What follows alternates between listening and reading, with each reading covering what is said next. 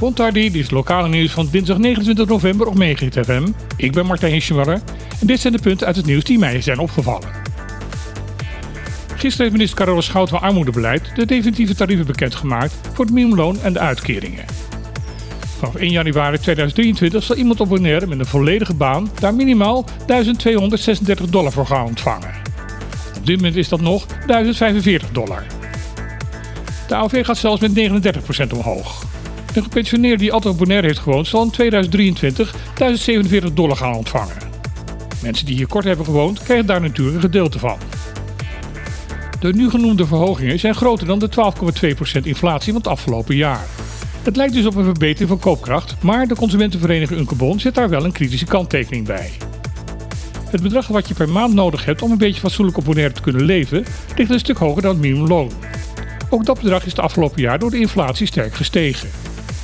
Die stijging blijkt dus hoger te zijn dan de verhoging van het minimumloon.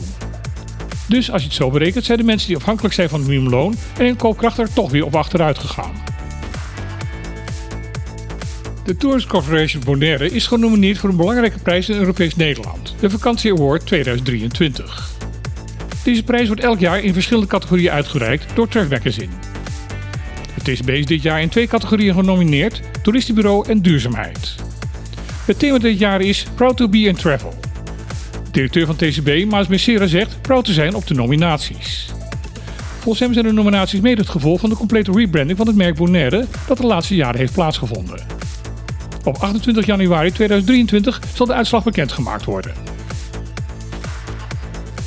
Begeleiding van studenten uit de Cariben en de terugkeer naar de studie van deze studenten naar de eilanden wordt steeds meer serieus genomen. Daarom zal de stichting WeConnect tot 2027 een subsidie ontvangen van het ministerie van Binnenlandse Zaken en Koninkrijksrelaties. Met behulp van dat geld zal de stichting Caribische studenten gedurende de hele studie ondersteunen en helpen bij een eventuele terugkeer naar het eiland van herkomst. Op alle eilanden is momenteel een groot gebrek aan hooggeschoold lokaal personeel. Veel van de Caribische studenten blijven namelijk na de studie in Europees Nederland. Deels omdat door de hogere lonen daar de opgelopen studieschuld makkelijker is af te lossen, maar ook omdat de net afgestudeerden het lastig vinden om op de eilanden in contact te komen met de juiste werkgevers. Ook in die bemiddeling kan WeConnect nu de helpende hand toesteken. Staatssecretaris Alexander van Huffelen van Koninkrijksrelatie benadrukt dat de politiek oog moet hebben voor deze groep studenten en beginnende werkenden. Dat is volgens Van Huffelen niet alleen belangrijk voor hun eigen toekomst, maar ook voor het versterken van de eilanden. Het bestuurscollege van Saba nuanceert de brief die ze heeft geschreven aan staatssecretaris Maarten van Ooyen over het niet goed functioneren van de Rijksdienst ZJCN op het eiland. Dat is tenminste de boodschap die Van Ooyen in een brief aan de Tweede Kamer poneert.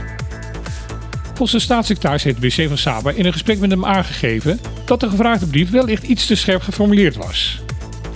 Volgens Van Ooyen zijn de problemen die het bestuurscollege had met ZJCN grotendeels terug te brengen op een verzameling misverstanden. Volgens Van het gesprek met de BC van Saba op 17 november in een constructieve sfeer verlopen. De staatssecretaris heeft volgens eigen zeggen toegezegd dat er zo snel mogelijk iets gedaan wordt aan de zorgen rondom de gezondheidszorg op Saba. Van Ooyen zegt ook dat hij in de derde week van december naar Saba zal vertrekken om daar ter plekke de problemen met de betrokkenen te bespreken. Voor zover bekend heeft het bestuurscollege van Saba nog niet gereageerd op de brief van de staatssecretaris. Dit was weer het lokale nieuws van vandaag op Megahit FM. Ik wens u nog een mooie dag en graag weer tot morgen.